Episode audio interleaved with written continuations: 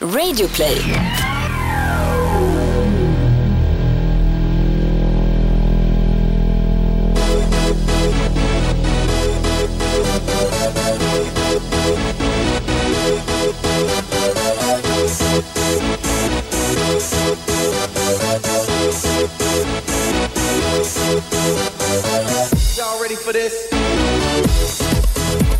Hjärtligt välkomna till ännu ett avsnitt av Toto Balutto. Jag vill tro att det är nummer 42 i ordningen. Det är i alla fall det första avsnittet Toto Balutto som spelas in eh, där jag och Thomas befinner oss på olika kontinenter. Jag ligger på ett hotellrum i eh, södra Thailand och eh, du stånkar väl runt i snön hemma i Stockholm va? Ja, det är precis så Gusten. Eh, ligger på ett hotellrum, det är väl snarare en beach va? En bungalow verkar det som. Nej nej för fan, det här är topphotell. Det här är, det är Crescito-klass alltså. Ja, okej. Ja, härligt. Kul att höra från dig i alla fall. Ja, verkligen. Detsamma. Hur är läget där hemma? Det, det, det känns som att det händer en jävla massa. Ja, verkligen. Eh, och vi ska ju gå igenom väldigt mycket av det som har hänt. Eh, dels från i helgen, vi har haft en del stormatcher, inte minst Manchester United mot Liverpool och sen eh, det som har hänt med Alexander Isak, eh, att han då rapporteras vara klar för Marca. Den jakten som nu har börjat på nyheter kring det som kommer bli den största övergången, eh, i alla fall pengamässigt, i eh, svensk historia. Eh, från allsvenskan vidare ut i Europa. Så att, eh, ja, det, en hel del händelser som eh, såklart sticker ut som Toto Balutta, att Toto Balutto kommer ta hand om. Du, det kan jag säga att även fast man befinner sig i Thailand så har man ju redan tröttnat på diskussionen kring Alexander Isak, huruvida det är bra eller inte att gå till Real Madrid som 17-åring. Jävlar vilken het potatis. ja, uppenbarligen. Eh, som du säger, man börjar bli trött på det, men det är inte bara det. Det är hela rapporteringen kring eh, Alexander Isak som har nått nivåer som jag aldrig varit med om tidigare. Eh, det är ju den övergången som bevakas, eller som, som inte bara historiskt då är den dyraste övergången från Allsvenskan, utan också den övergången som har bevakats flitigast eh, från eh, mediernas håll här i Sverige. Eh, vi kommer tillbaka till det Gusten. Eh, kort bara, berätta hur, hur är status? Ja, jag kan väl, eh, jag kan väl eh, säga som så att det finns en eh, svensk känd ståuppkomiker som för ett tag sedan gjorde en grej av att han eh, numera är nykter. Den kan jag säga att eh, det är han inte längre. Vem är det? Det körs på hårt här. eh. Nej, men det får väl folk eh, räkna ut själva. Golare är inga polare vet du? Ah, kanske är så. Man blev lite nyfiken. Vadå, kör på hårt? Är det flaskan hela tiden eller? Nej, det har varit, eh, det har varit en, eh, kan väl sträcka mig så långt som att säga att det har varit en konstant fylla. Okej. Ja, själv då? Är det knappkampen eller alltså jogga längs stranden, äta fisk eh, eller är det bara ligga och jäsa och dricka singa? Ja, man åkte ju ner med någon slags naiv tanke om att eh, jag och tjejen skulle röra på oss minst en timme om dagen. Den planen har ju gått käpprätt åt helvete så att nu räddades man av en liten magsjuka i förrgår. Så att eh, nu, nu kommer man nog i Grand Frank-skjortan igen. Snyggt, snyggt, snyggt. Eh, Men du, eh, om vi, jag vet inte hur vi... Hur Annars vi... måste jag säga att eh, det har varit väldigt trevligt att läsa alla glada tillrop kring våra avsnitt förra veckan med Erik Niva och kanske framförallt det med Martin Åslund. Mm, det har varit väldigt uppskattat. Får ju se till att ta tillbaka Martin någon gång här i framtiden. Har dock lite problem med att han eh, på Twitter kallar oss för galenpannorna. Ja, i hans värld så är vi lite knasiga, men eh, jag fattar inte riktigt det där. Vi får fråga honom sen. Ja, det är ingenting jag har nämnt för honom själv, men jag känner att jag håller på att bygga upp ett litet raseri kring det där. Ja. Du ska ta det lugnt där borta på stranden Gusten. Eh, fotboll då, det kan man väl se även eh, på en strand i Kolipe misstänker jag. Det är ju de asiatiska tv-rättigheterna som är hetast så här 2017. Ja, de styr ju onekligen marknaden, men som de jobbar emot eh, tiden och klockslagen. Alltså 2045 matcherna börjar ju 02.45. Och det är ju eh, ja, det är en prövning kan jag säga. Det handlar ju om att eh, ta sig in och ur jetlag hela tiden ifall man ska följa europeisk fotboll här på de här kontinenterna. Så att, eh, all respekt åt asiaterna som eh, sitter och, och, följer Premier League och Serie A och La Liga slaviskt och Champions League kanske framförallt. Alltså det är ju riktigt svettiga matchtider. Lunchmatcherna måste ändå vara okej okay, och det är väl anledningen till att det finns lunchmatcher också i, i samtliga ligor. Alltså lunchmatchen är okej, okay, men det var som eh, i, eh, i lördags så kollade vi Leicester-Chelsea, då är det, det är matchstart halv ett. då är ändå det en tidig kvällsmatch liksom. Ja. Men du, du är igår ändå... Hade man ju siktet, igår hade man ju siktet inställt på Artemio Franki och Fio och Juve, men alltså det gick inte. Det gick inte. Han var magsjuka emot också. Magsjuka emot och eh, matchstart 02.45 så att, eh, det var lite synd. Men eh, det, du tar väl upp det i ditt svep snart. Jag tänkte dock att vi ska börja Toto Balutto avsnitten som man alltid börjar. Det är ett par födelsedagsbarn som eh, får blåsa ut ljus idag. Ja det är januari, det vill väl till att det kommer några riktiga superstars nu.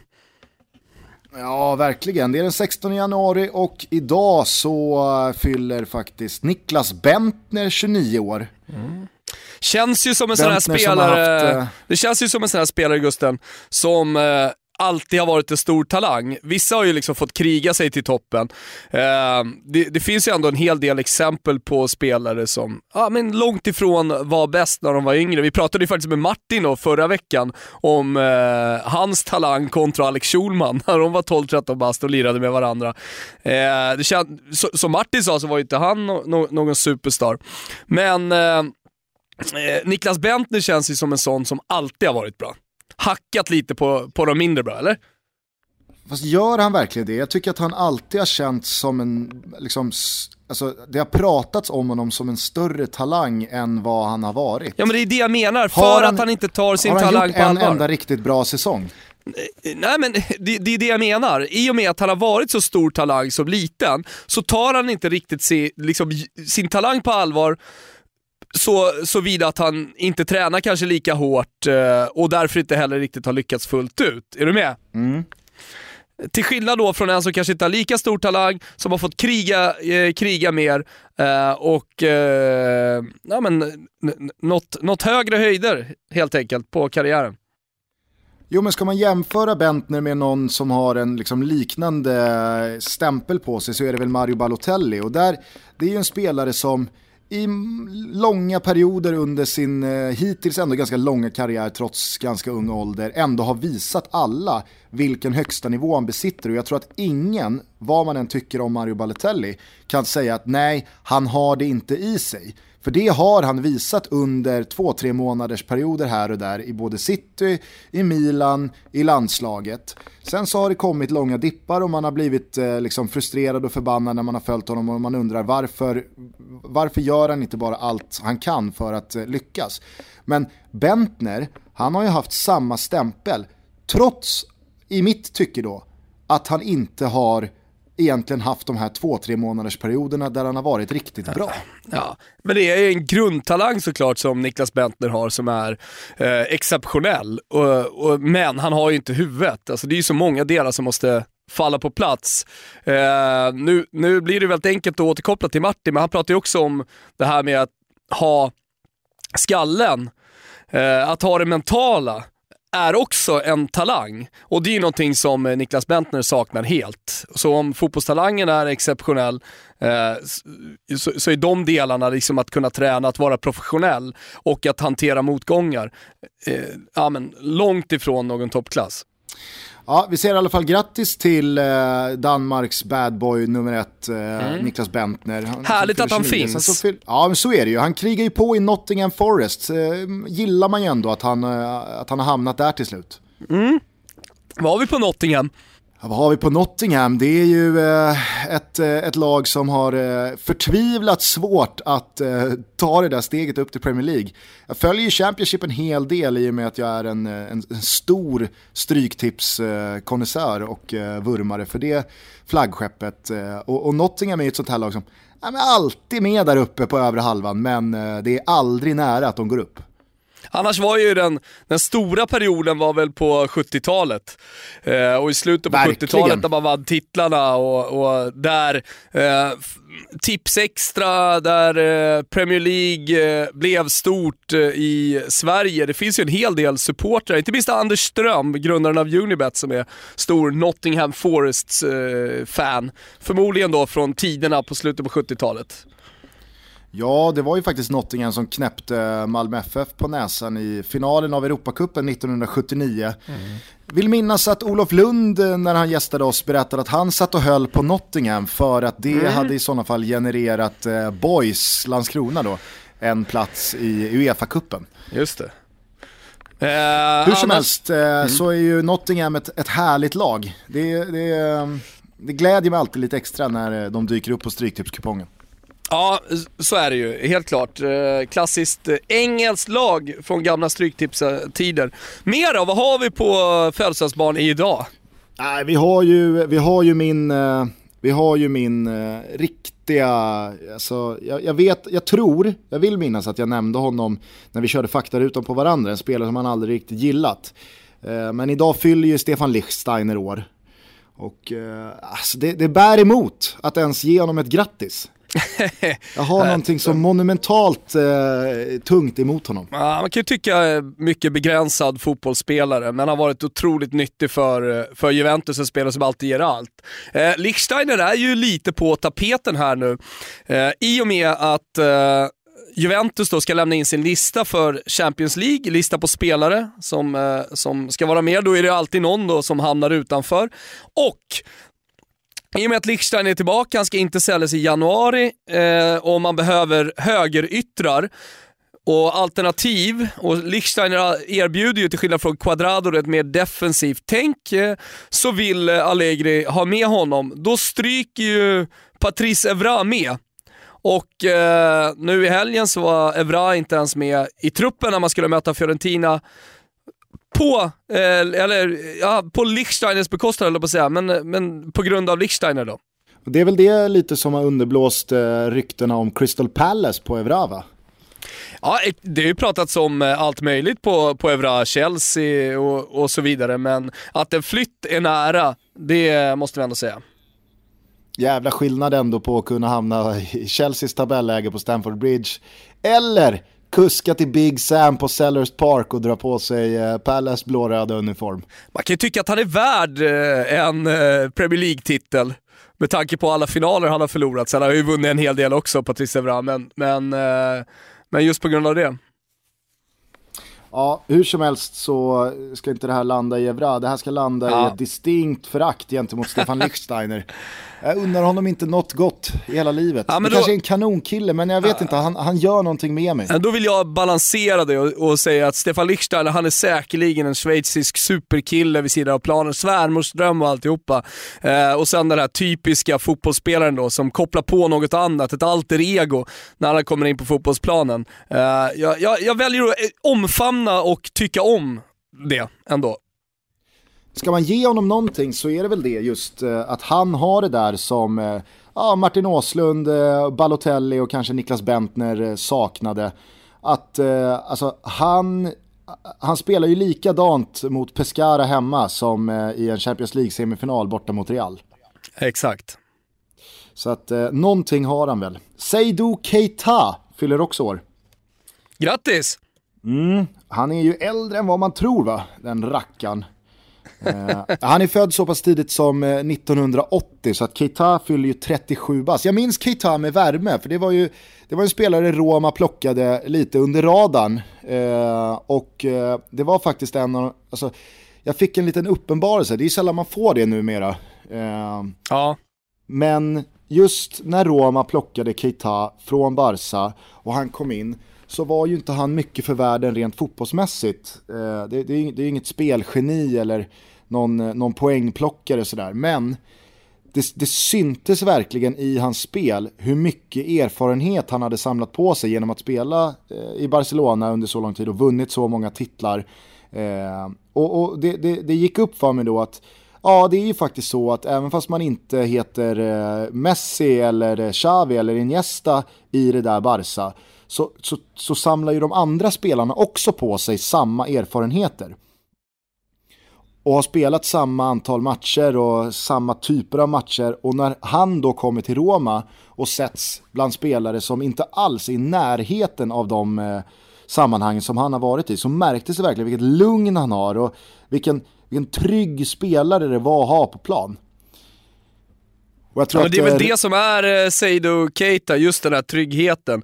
Eh, det, det, det, det är det som kännetecknar honom, därför jag fick balans eh, på ett väldigt eh, annars offensivt eh, Barcelona mellan 08 och 12. Jag, jag, tycker, jag, jag, tycker att man underskattar den, den spelartypen ganska mycket inom fotbollen, inte minst nu när allting ska vara gegenpressing och, och eh, snabba, ettriga wing, alltså offensiva yttrar. Det, jag, jag kan njuta lika mycket av en Seydou Keita som jag kan göra av eh, Eh, ja men Messi eller vem du nu vill.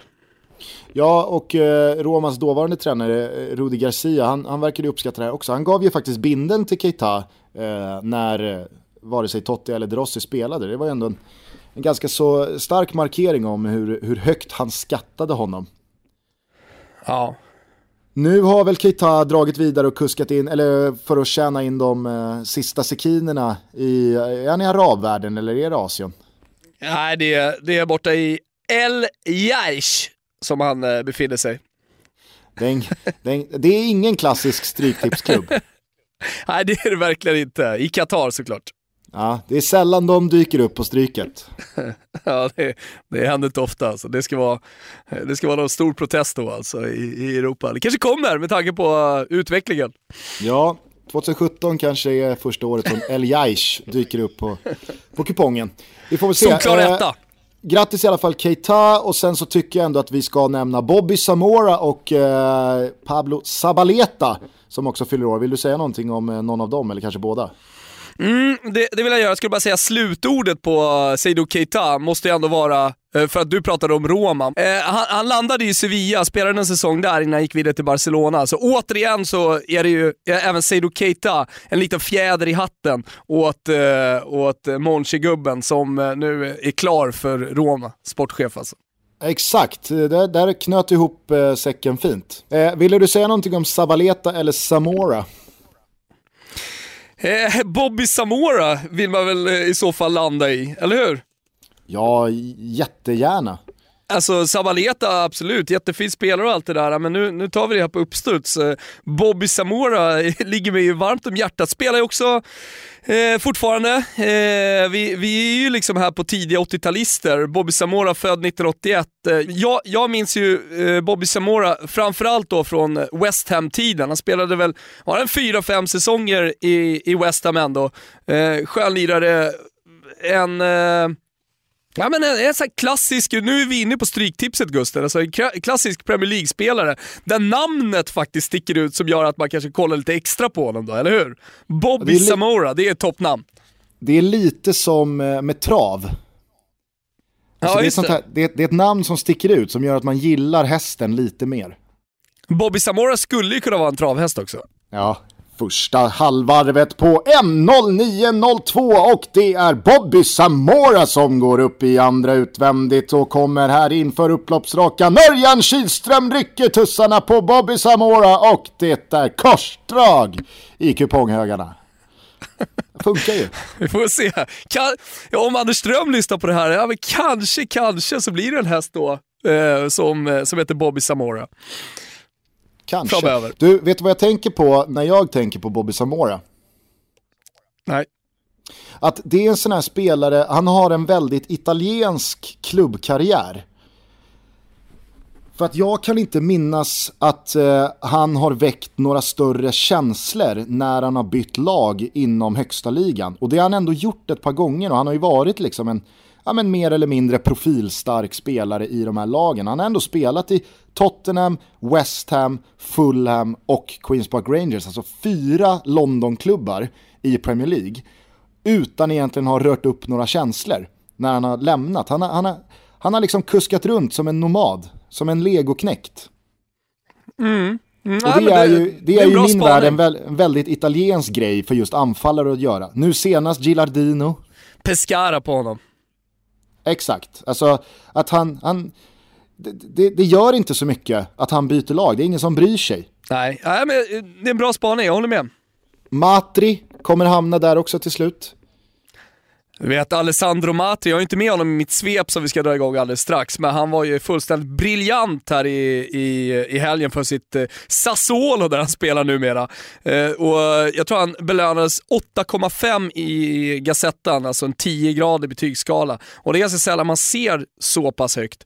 Så, eh, ja men Alessandro Matri, ta Mm. Borriello, som också varit runt i många storklubbar, en fantastisk talang, som aldrig riktigt eh, fick eh, stå i full blom, alltså i topplagen. Han valde ju snarare då istället att sitta på bänken i kylan och, och hova in då storpengarna eh, från, från de här feta kontrakten som han skrev, dels i Juventus och dels i Roma, eller framförallt då. Eh, men där man nu då ser, både på Alessandro Matri i Sassuolo och Marco Borriello i Cagliari, som också var fantastisk i helgen, eh, han gjorde, ju, gjorde, han, gjorde han tre eller gjorde han två? Två eller tre gjorde han i alla fall för sitt Cagliari. Han gjorde eh, att, två, att det nu är det väl bara sex grund, mål kvar här. Sex mål kvar tills Vieri får öppna plånboken. Exakt, han har ju ett bett med Christian Vieri. Ni som har varit med i Toto Balotto länge känner till det här, men nytillkomna lyssnare kan vi påminna om att om han gör 15 mål så ska Christian Vieri betala hans semester. En av de tröttaste sådana här uh, ja, men, head-to-head-spelen som, eh, som har existerat. Ja, alltså det, det, är ju ingen, det är ingen extravagans inblandat i det. Vare sig med målskörd Nej. eller eh, insats. Nej, då är ju ditt eh, och mitt head-to-head-spel betydligt mer intressant, inte minst för Toto Balotto-lyssnare. Det är ju så att vi, vi, vi tävlar ju med varandra eh, tillsammans med Betsson. Eh, där vi lägger en trippel varje helg, vi kallar den för Toto-trippen. Eh, kör en hashtag på det och om man screenshotar sitt spel då, ryggar den här, eh, så är man med i tävlingen om en middag och den som förlorar av dig och mig under januari månad, alltså den som tjänar in minst pengar, han kommer få betala. Så det är ju det är ett mycket roligare head-to-head-spel. Verkligen. Jag började ju starkt också här nu, jag satte ju min trippel i helgen. Ja, gratulerar får, får jag säga. Jag tappade på Sampdoria som inte lyckades göra en bra match mot Empoli. Det är ju alltid jobbigt att spela emot Lukas Skorupski i Empoli-kassan. Ja, faktiskt, det är ju det. Antingen så har han en sån här Gusten. dag där han eh, mm. slänger in tre bollar eller så spikar han igen fullständigt. Ja, mm. nej men tack, men säga, den var välbehövlig. Ja. Jag, jag tyckte att det var en, det var en så kallad, eh, det var, det, var ett, det var ett kassaskåp, min trippel. Jag var ja, aldrig orolig. Satt ju faktiskt ruggigt fint. Nej, ja, men det var, det var ruggigt fint och grattis till alla som har ryggat. Vi kommer ju fortsätta här på Betsson. Eh, vi kommer också att spetsa tävlingen lite, eller spetsa för våra lyssnare eh, med mer priser och eh, ja, men en, ett, ett stort pris i potten framåt maj. Men det ska vi återkomma till, eller hur Gusten? Ja, så är det. Eh, nya tripplar kommer ut eh, i eh, nästa Toto Balutto. Det är bara att hänga på. Det är en ny trippel till eh, helgen. Och eh, är man som sagt med och eh, ryggar, screenshotar och skickar in på sociala medier under hashtaggen Toto-trippen så är man med och tävlar om en plats vid bordet tillsammans med en polare eh, när då den här middagen går av stapeln. Så att, det så blir jävligt roligt. Ja, det kommer bli grymt kul. Och vi har ju en middag coming up här bara om eh, ett par veckor med en vinnare som vi ska dra i veckan också, från december månad. Landade vi att Bobby Samora har en väldigt italiensk karriär eller? Ja, det gjorde vi. Bra. Eh, Sabaleta säger vi bara grattis till och nu så stänger vi födelsedagssegmentet och gör oss redo för Thomas Wilbachers eh, Europasvep efter denna supermatiga helg.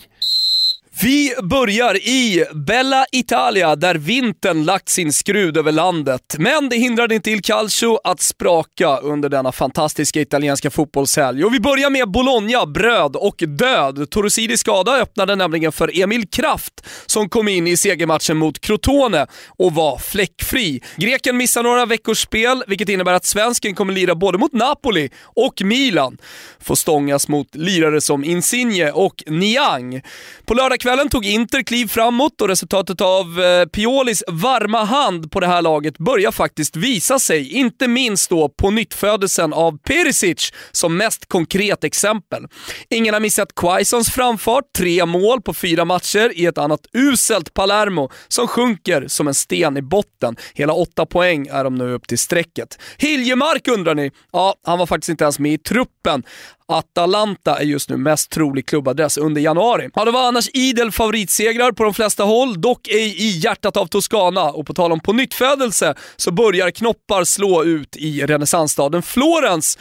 När ärkerivalen Juventus kom på besök så var vem då bäst på plan? Jo, 19-årige supertalangen Federico Chiesa, son till Enrico. Och vi avslutar Italien-delen nostalgiskt och med lite sång som en hyllning till den största som angjorde Neapelbukten i helgen. Oh mamma, mamma, mamma, oh mamma, mamma, mamma, sai perché mi batti il corazon, ho visto Maradona, ho visto Maradona, eh mamma innamorato son.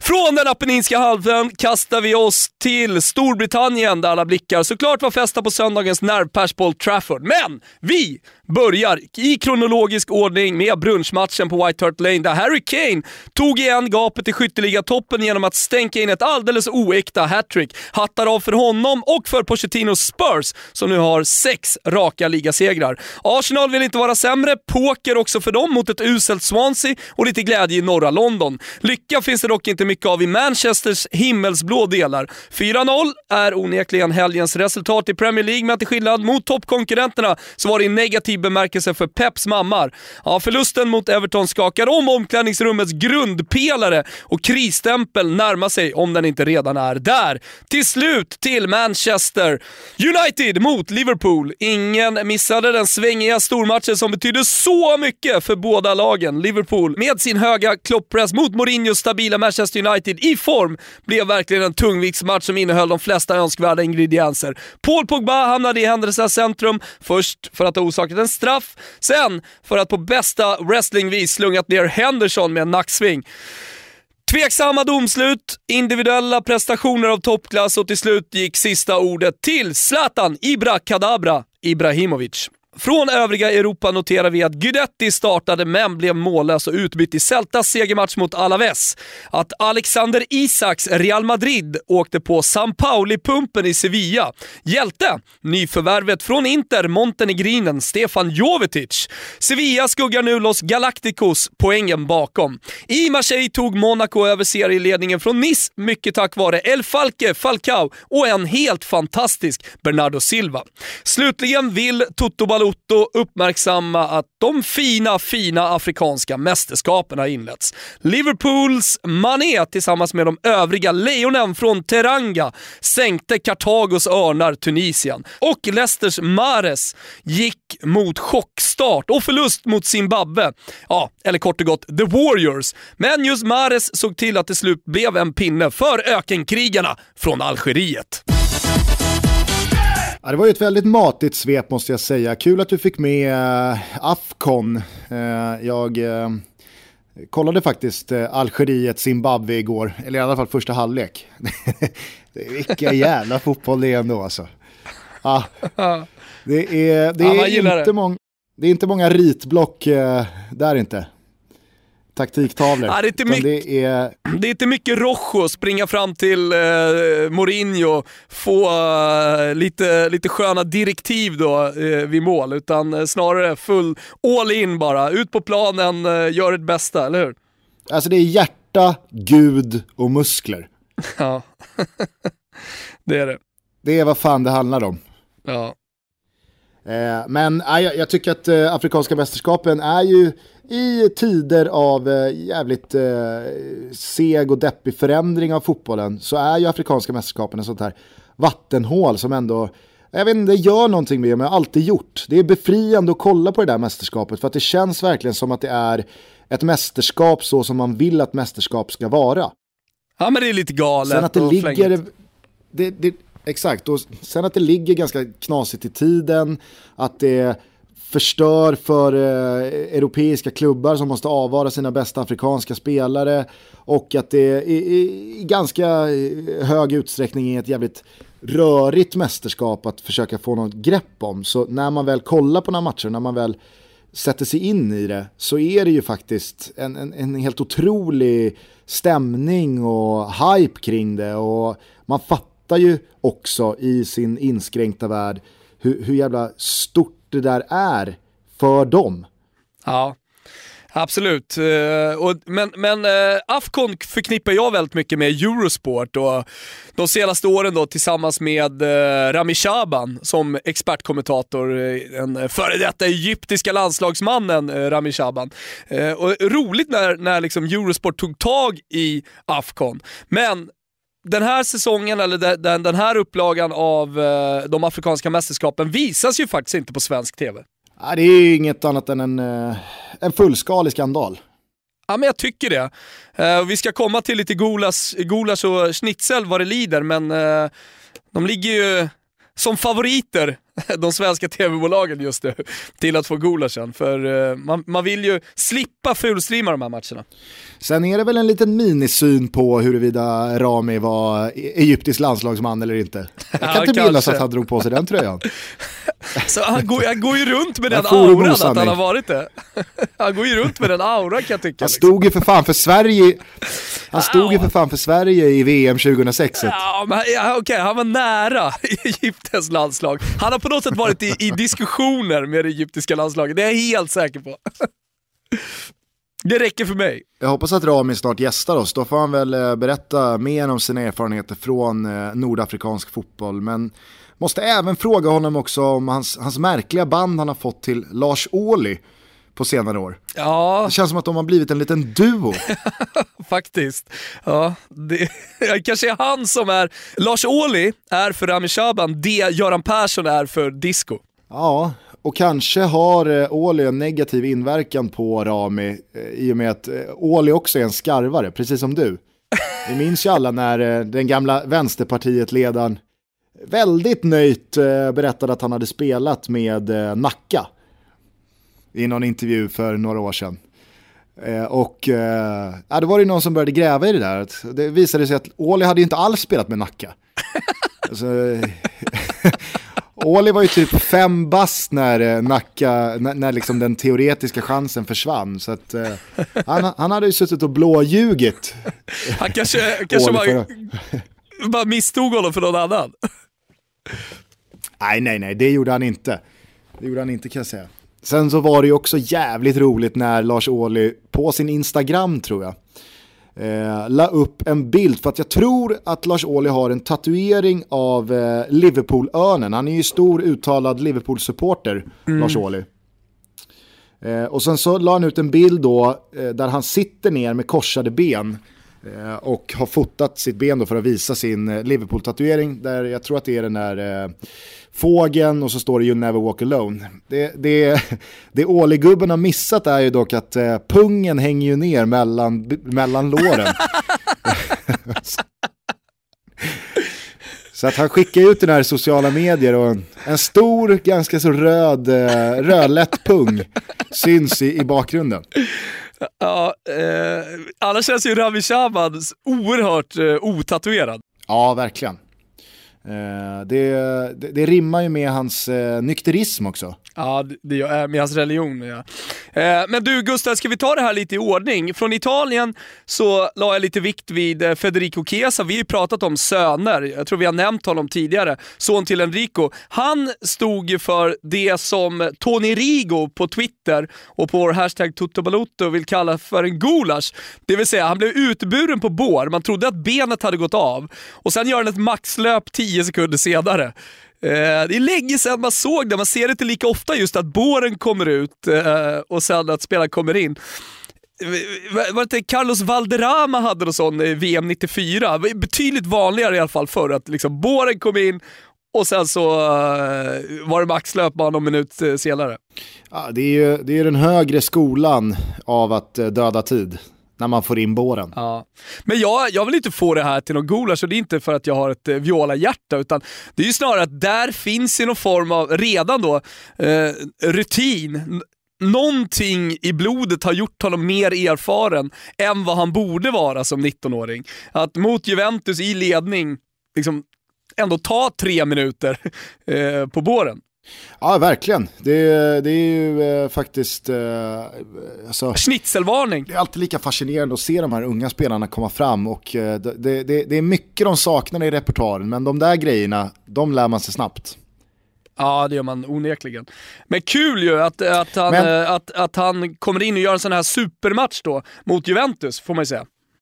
Ja, verkligen. Och eh, för alla oss som eh, stöttar lag bakom Juventus så var det ju det var ju faktiskt en väldigt uppskattad trea av eh, Fiorentina. Nu, eh, nu spetsar det ju till sig igen.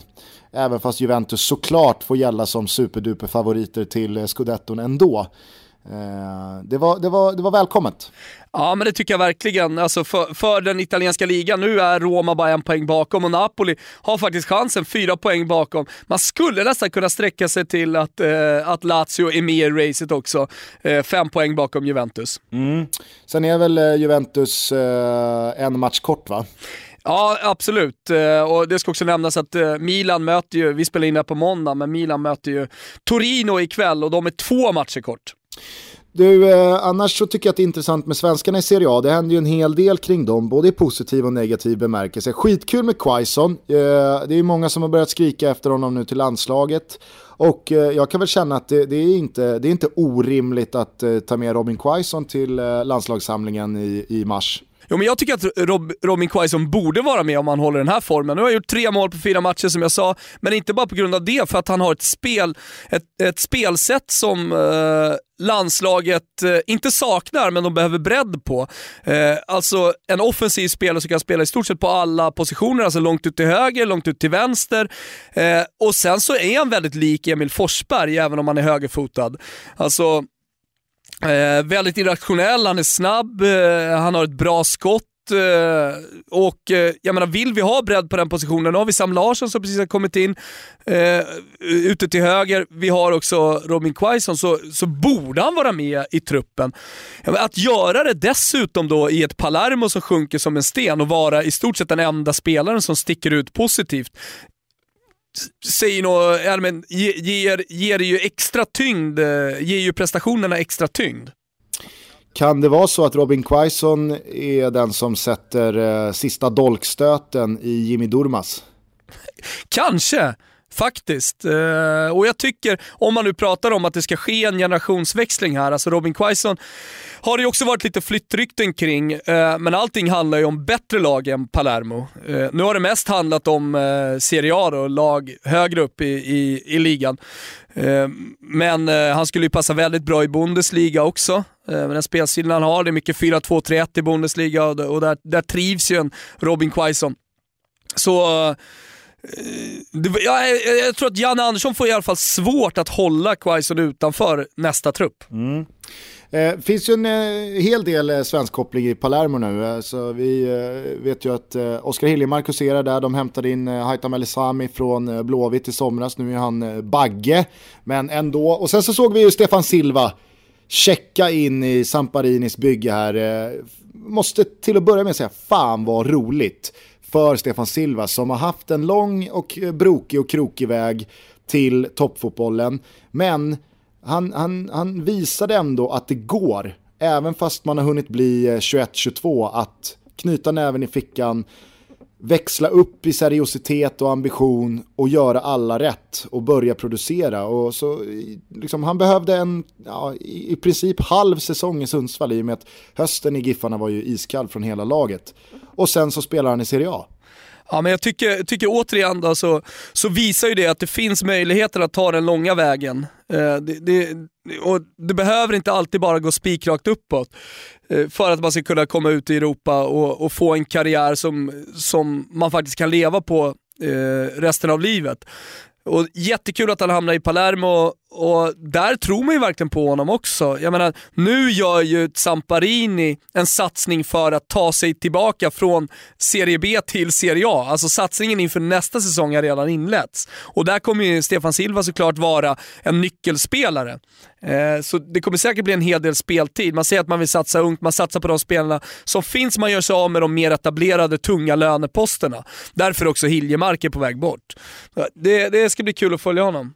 Ja, men jag menade bara att jag tycker att det, jag tycker att det är det är befriande att höra om att det, det verkligen är så att om man skruvar upp eh, knapparna kring sömn, kring kost, kring eh, ja, men verkligen ta varje träningspass som en chans att utvecklas. Som Stefan Silva har berättat att han, ja, men han fick det uppvaknandet för bara 3-4 år sedan. Att nej, men nu är det det här som gäller för att eh, han kände själv att jag har bara levt på talang hittills, jag har strulat och slarvat och man har käkat dåligt, man har varit uppe hela nätterna, man har eh, skitit i vissa pass och ja, men bara varit allmänt oseriös att när man väl bestämmer sig så går det faktiskt och det kan gå jävligt snabbt. Men eh, ja, eh, späckad Serie A-helg, eh, minst sagt. Eh, I, I, England så var det ju en del anmärkningsvärda resultat också. Eh, alltså, vad händer med Manchester City? Mm, det är den stora frågan nu såklart. Det är ju eh, inte längre så att du kan skylla på att du har en avstängd eh, Kun Agüero eller nya spelare som inte har spelat med varandra speciellt länge eller att eh, Kevin De Bruyne eller Silva eller är skadade. Alltså, nu har de ju i princip bästa lag på banan, eller ja, de har en ordinarie trupp mm. att tillgå. Och, och ändå så blir de ju överkörda av Everton. Ja, exakt. Och jag menar, bara för, bara för ett par veckor sedan så förlorade man den här otroligt viktiga toppmatchen då mot Liverpool. Eh, man fick en seger emellan, man tänkte att ah, det kanske det, det, kanske ändå är på gång här nu för Manchester City igen. Eh, och så kommer den här stjärnsmällen. Eh, och, ja, men det, det är så jävla svåranalyserat också, för det känns som att när man kollar utifrån utan att vara på träningarna, så är det dålig stämning. Liksom. Eller att eh, Pep Guardiolas disharmoni inom sig har spridit sig på hela laget. Och det är ju om något då en, en uh, otrolig varningsklocka för att uh, den här säsongen är på väg helt åt helvete. Det blev inget, uh, i alla fall inte hittills, något uh, Happy New Year. Nej, men det kan ju rulla. Det kan ju fortsätta rulla. Jag tycker i alla fall att det ska bli jävligt intressant att se nu hur länge Pep Guardiola kan fortsätta inkassera svaga resultat innan han börjar liksom eh, kompromissa med sin egen filosofi och sin egen vision. För att nu börjar man ju verkligen märka och kanske förstå hur mycket den individuella briljansen som fanns att tillgå i både Barcelona och Bayern München faktiskt sminkade över Pep Guardiolas taktiska kunskaper och matchplaner och eh, vision. Nu är det ju så att resultaten går emot sig, Pep Guardiola tum, tummar nog inte på någonting, men, men nu börjar det ju verkligen Alltså nu, nu, nu måste ju någonting göras åt för att nu måste han få resultat och uppenbarligen så funkar inte hans egen taktik och hans egen vision här nu. Den genererar ju inga poäng. Nej, och sen så finns det ju någonting i det här med att hela tiden uppdatera sin filosofi eller liksom sitt sätt att spela. Eh, för eh, andra tränare, andra lag lär sig Pep Guardiola. Det han gjorde i Barcelona var ju att revolutionera fotbollen med ett helt ja, men helt nytt sätt att spela på med hans tiki-taka. Sen vred han lite på skruvarna. Han ändrade lite på det i, i Bayern München och blev rakare. Det kändes som att Pep Guardiola återigen var någonting nytt. Jag ska inte säga revolutionerande, men ändå något nytt på spåren. Eh, på spåret. Så blev det ligatiteln, det räckte inte hela vägen i Champions League. Manchester City. Det, det, det, det jag kan tycka med Pep Guardiola, och det är klart att det är lätt att säga nu när det har gått dåligt och eh, med de här intervjuerna har spekulerats i om han ska fortsätta träna eller inte, men, men, men vart hans karriär ska ta vägen efter att ha gjort Barcelona, efter att ha gjort eh, eh, Bayern München och nu då Manchester City. Alltså vad ska få honom motiverad att ta ett nytt topplag efter det här?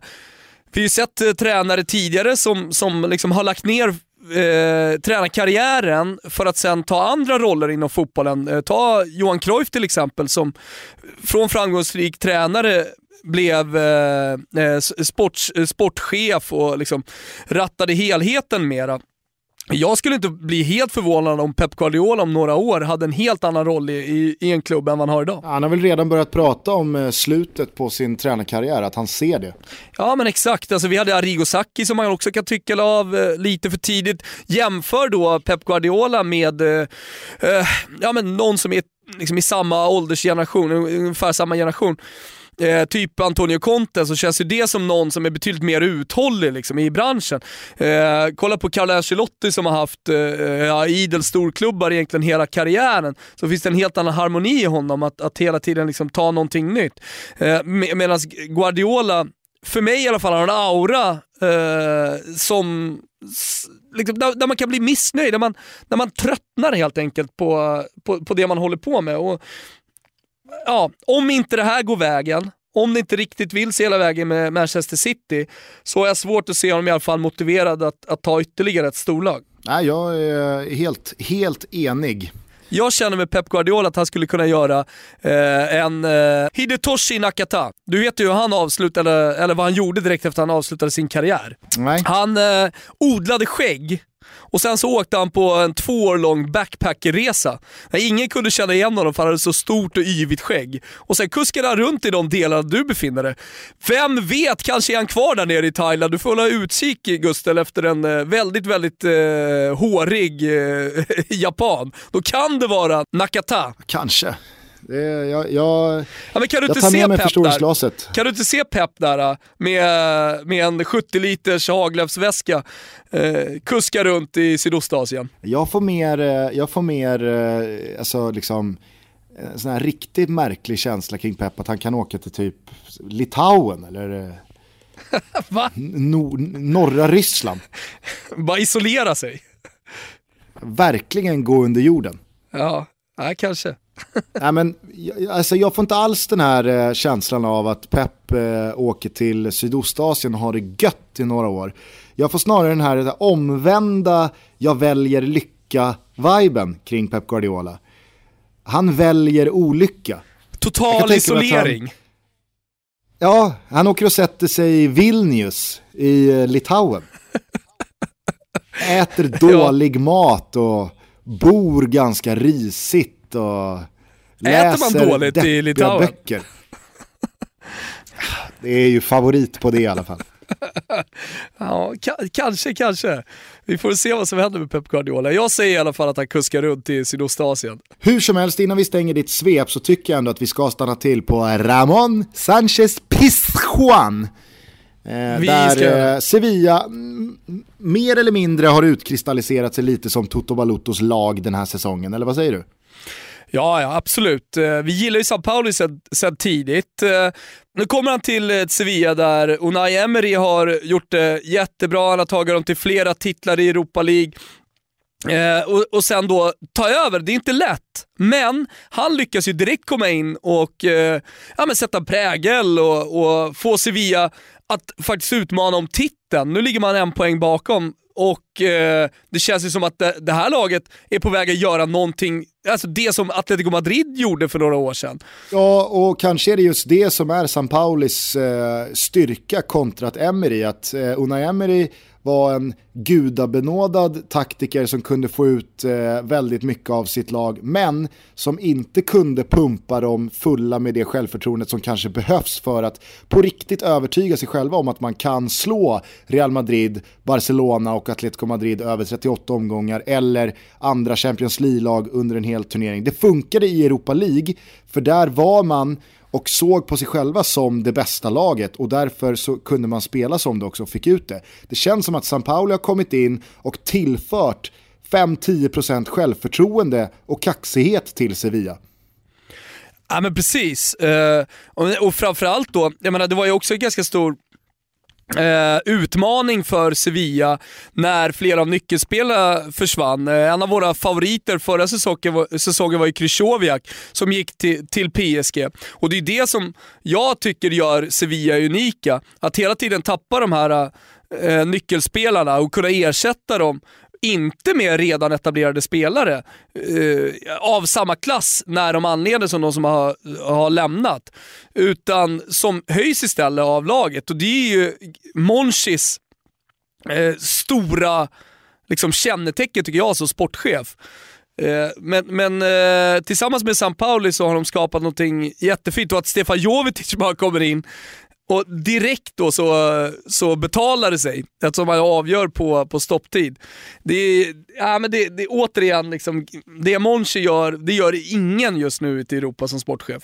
Nej, det blir väldigt spännande att följa Sevillas eh, liga och cupvår här nu. De har ju onekligen muskler för att eh, gå riktigt långt. Hör du, eh, vi börjar eh, nog eh, passera timmen här snart och vi har inte ens avslutat svepet. Jag tycker att vi måste bara ta Alexander Isak pucken och sen så en liten gulasch och en schnitzel innan vi får stänga ner butiken för idag. Ja. Eh, har du någon gulasch och schnitzel på lager? Ja, men alltså gulasch just nu, eh, det, det jag tänkt på under helgen, det finns ju små händelser. Jag var inne på det här med att ingen har plockat Afcon och Afrikanska mästerskapet så att vi som tycker att det är väldigt roligt kan följa det. Eh, men jag tycker ändå att eh, Gulaschen den här veckan hamnar just i bevakningen här kring eh, Alexander Isak. Eh, hur intressant är det med nyheter som inte är nyheter undrar jag. Alltså för det enda alla vill veta det är om det är officiellt. Folk vill veta vad han kostar, och hur mycket han kommer få i lön. Det är, det är väl egentligen det som, som är kvar liksom, kring Alexander Isak. Och ändå så, så pumpar man på med den här bevakningen och försöker liksom hitta sidovinklar som egentligen är, eh, för mig i alla fall, helt ointressanta. Nu verkar det ju klickas i och med att, eh, i och med att eh, tidningarna verkar liksom satsa på det här. Men Okej, okay. ett, det, det, är, det är en historisk övergång. Det, det kommer generera jättemycket pengar till eh, en av Sveriges största klubbar och eh, så vidare. Men har det inte gått lite för långt undrar jag? Eh, jag tycker i alla fall att det känns som det. Alltså det jag bara tycker har gått för långt det är ju den här diskussionen som har blivit huruvida det är bra eller inte av Alexander Isak att gå till Real Madrid som 17-åring och det, det väldigt märkliga påhittet som är att dra in Martin Ödegård som något slags skräckexempel. Ja. Jag, jag tycker att det är så pass mycket okunskap och irrelevans i den ringhörnan som är att nej, det är ett dåligt val av Alexander Isak, titta hur, hur, hur snett det gick för Ödegård. Att jag, jag, jag, jag, liksom så här, jag vill bara muta den ringhörnan helt. Ja. Nej, jag, håller, jag håller helt med. Jag skrev en krönika om det här. Uh, och jag, jag, jag, står ju som sagt eh, eh, uh, rak motsats. Alltså hur, hur blev Martin Ödegard, Ödegård 16 år på något sätt beviset för hur det ska funka för alla som kommer till Real Madrid? Det, det, och jag menar, samtidigt som alla verkar tycka sig veta exakt hur planen ser ut Eh, exakt hur Alexander Isak eh, då tillsammans med Real Madrid har förhandlat fram det här. Eh, alla verkar tro att han eh, ska ner i Segunda B och, och spela med Castilla. Vi har ingen aning om det. Låt oss vänta på presskonferenserna innan vi, innan vi skriver krönikor om att han kommer göra så här, han kommer göra så här. Och sen så om man bara tar liksom Martin Ödegård-exemplet, så jag menar, nu, nu följer inte jag Segunda B speciellt mycket och, och, och Castella, jag ser inte matcherna. Eh, men av alla eh, som jag litar på och kollegor som befinner sig i Madrid som har följt eh, Martin Ödegård, så är ju liksom konsensus där nere att, att han har utvecklats enormt som spelare. Och även om den holländska ligan nu har, har tappat i status och i kvalitet, så blir han ändå i januari den holländska ligafyrans liksom, stora prestige-nyförvärv. Han kommer 18 år gammal till Heerenveen, fortfarande ägd av Real Madrid där man tror jättemycket på honom. Varför är det ett misslyckande? Jag, jag, jag har så jävla svårt liksom, att, att få det till ett misslyckande. Ja, äh, men exakt. Det, det är ju där den stora skon klämmer. Hur Martin Ödegårds tid i Real Madrid eh, har blivit ett misslyckande. Att det har blivit ett skräckexempel. Alltså, det, det, det, det, kommer nog gå ganska bra för honom. Det är jag jävligt säker på. Eh, sen så ska man ju också komma ihåg att Martin Ödegård var en, det var en sensationsspelare av globala mått som var en prestigevärvning som Real Madrid liksom, av den aspekten också ville ha. Eh, det var väl så att eh, Carlo Ancelotti, han var, inte, han var inte alls lika angelägen om att få Martin Ödegård till Real Madrid som jag är helt övertygad om Zidane är med Alexander Isak. Nej.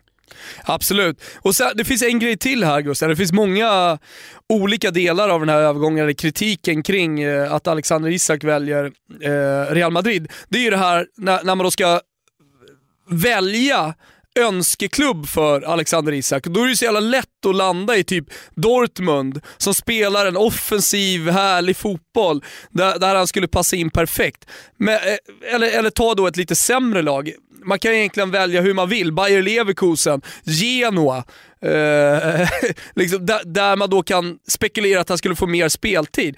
Men det är inte så att han kommer in i de här lagen och är, är någon startman.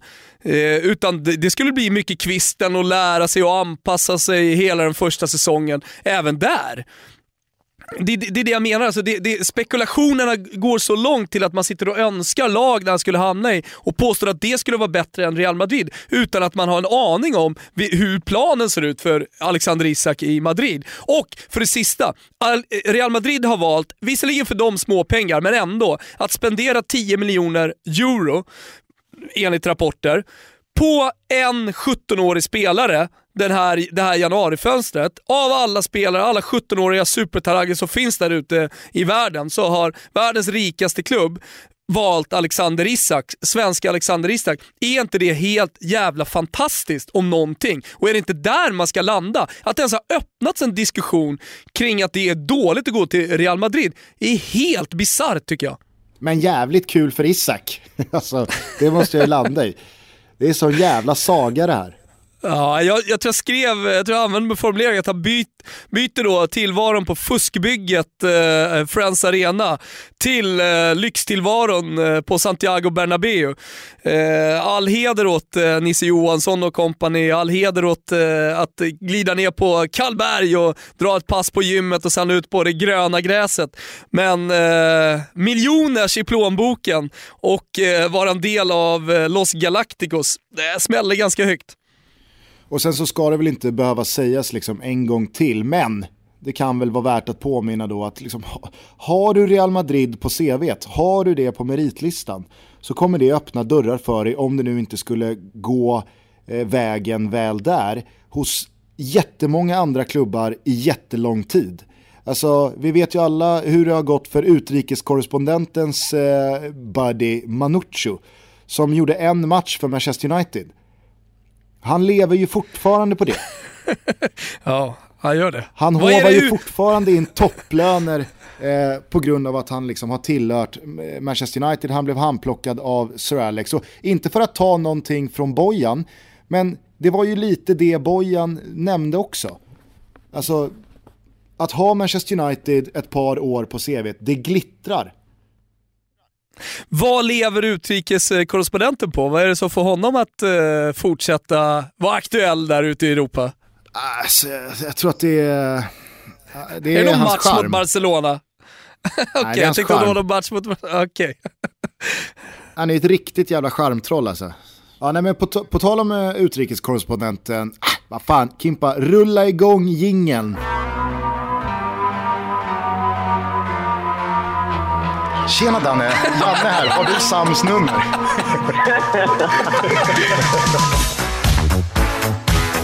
Daniel Larsson dunkar in 2-0.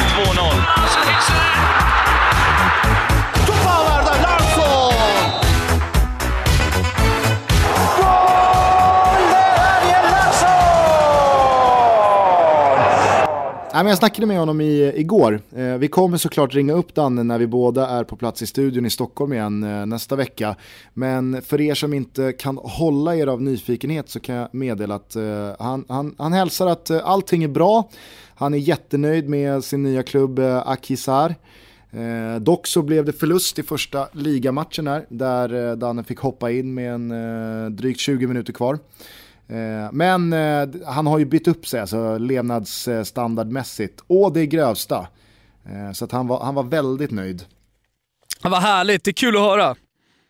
Ja, han hade också på väldigt kort tid blivit riktigt tight med Hugo Rodallega. Mm -hmm. Den mhm. profilstarka anfallaren. Så de hade blivit, ett, de hade blivit en, liten, en liten duo redan berättade han. Det känns kul. Men sen så var jag ju tvungen och fråga då om, om, om min gubbe i Akisar Eh, inte Mervan Selik, utan hans turkiska namne, Mugdat Selik. ja, just det. Eh, och det verkar, vara, det verkar vara en riktig stjärna. Han kan inte ett ord engelska. Eh, och eh, han, eh, han har ju skarvat med två decimeter på sin eh, Wikipedia-sida om hur lång han är. Okej. Okay. Redan, redan där vet man ju att det, är, det, det tyder ju på att det är en, det är en spelare som som jag kommer följa med liksom, stor nyfikenhet under Dannes tid här i, i Akisar. Ja, vad kul. Han har inte kommit till rätta boendemässigt än, så att han bor på hotell än så länge. Men eh, jag, jag, jag, pushade för att han bara skulle följa med Mugdat eh, hem till eh, hans lägenhet och slagga på soffan där. Ja, men det låter bra. Mm. Eh, men mer Danne som sagt eh, nästa vecka när vi ringer upp honom. Hade du någon schnitzel? Ja, men schnitzel, eh, Gusten, eh, till eh, den största fotbollsspelaren, enligt mig i alla fall och enligt Martin Åslund, till eh, Don Diego Armando Maradona som är tillbaka i eh, Neapel och det, det, blir ju alltid väldigt, väldigt speciellt när, när han liksom kommer hem. Han är ju på något sätt eh, stadens sigill och symbol i, i hela världen. och det, det, han säger här nu är är ju faktiskt eh, exceptionella uppgifter. Det har ju inte riktigt svensk media plockat upp. Eh, men han, han säger att han ska tillbaka till eh, Napoli, hörru. Och eh, med, han har en plan, en vinnarplan ska han komma med till Neapel. Och det här vill man ju verkligen omfamna. Diego Armando Maradona, som man kanske tycker är lite för stor för att vara i Neapel. Det blir lite för krångligt med honom tillbaka i fotbollen i någon form av operativ roll. Men nu säger han ju här att, eh, att han ska tillbaka och han har pratat med president Aurelio De Laurentiis. Eh, eh, och sen tycker jag att det är spännande just med den här segerplanen, den här vinnarplanen som han, som han ska anlända Neapel med. Men först, innan han gör detta Gusten, då, då ska han reda ut problemen han har med den italienska rättvisan. Han är ju skyldig massa skattemiljoner till den italienska staten. Eh, nu minns jag här för några år sedan när han eh, landade på Fiumicino i Rom och eh, eh den, den italienska Eh, skattepolisen stod och väntade och så, så plockade de av honom allting han ägde och hade. Diamantörhängen och ringar och klockor och allt vad det var. Eh, det ska han lösa. Nu anländer han ju bara Neapel i Puma-kläder. Han är ju sponsrad av Puma. Eh, utan några, några, några liksom större, dyrare attiraljer på sig. Det, det, låter som en mer genomtänkt eh, Don Diego det vet jag inte vad ska säga av det genomtänkt. Det återstår väl att se. Men det är bara härligt då att han pratar om en comeback eh, i någon form av dirigenteroll som man säger i Italien. Eh, med en segerplan. Det, det, ja, jag vet inte hur det skulle gå men, men det, blir i alla fall, det gör mig väldigt, väldigt glad och det får Neapel-folket att drömma. Ja, nej, men jag är, jag är återigen helt enig med dig. Att eh, Diego Maradona kuskar tillbaka till eh, Neapel och har en plan är ju absolut värt en schnitzel. Ja, nej det är det. Du, eh, jag tycker att vi ska börja runda av det här samtalet. Det blev lika ja, det långt bli... som vanligt. Ja, det har blivit dags att, att, runda av. Vi pratade inte jättemycket om matchen mellan Liverpool och Manchester United. Du kanske vill ha ett slutord då med Thailands eh, perspektiv på den här matchen. Eh, det har varit mycket snack om det här offside-målet som Manchester United gjorde i slutet på matchen. Eh, så ser, ja, det som Ibrahimovic gjorde, även om det inte var han som stod offside. Det har varit en hel del surr om eh, eh, bråken, alltså det var, det var lite schism mellan Klopp, eller från Klopps sida till Mourinho. Eh, hur, hur har det landat i södra Thailand? Men är inte det lite fräscht med Toto Balutto att vi inte fokuserar på den givna matchen en sån här helg? Ja, jag tycker det. Vi, vi lämnar den därhän. Om någon vill konsumera eftersnacket kring eh, den ganska så tama tillställningen mellan eh, United och Liverpool så kan man göra det på annan ort. Det sker inte i det 42 avsnittet av Toto Balutto. Det vi däremot kan säga det är ju att vi eh, fortsätter ha ett jävligt eh, tajt samarbete och en härlig relation tillsammans med Grand Frank. Det blir ju en eh, synnerligen trevlig kväll den 15 februari då Toto Balunset går av stapeln. Då ska vi kolla på Super Champions League, det är Real Madrid-Napoli och det är Bayern München mot Arsenal.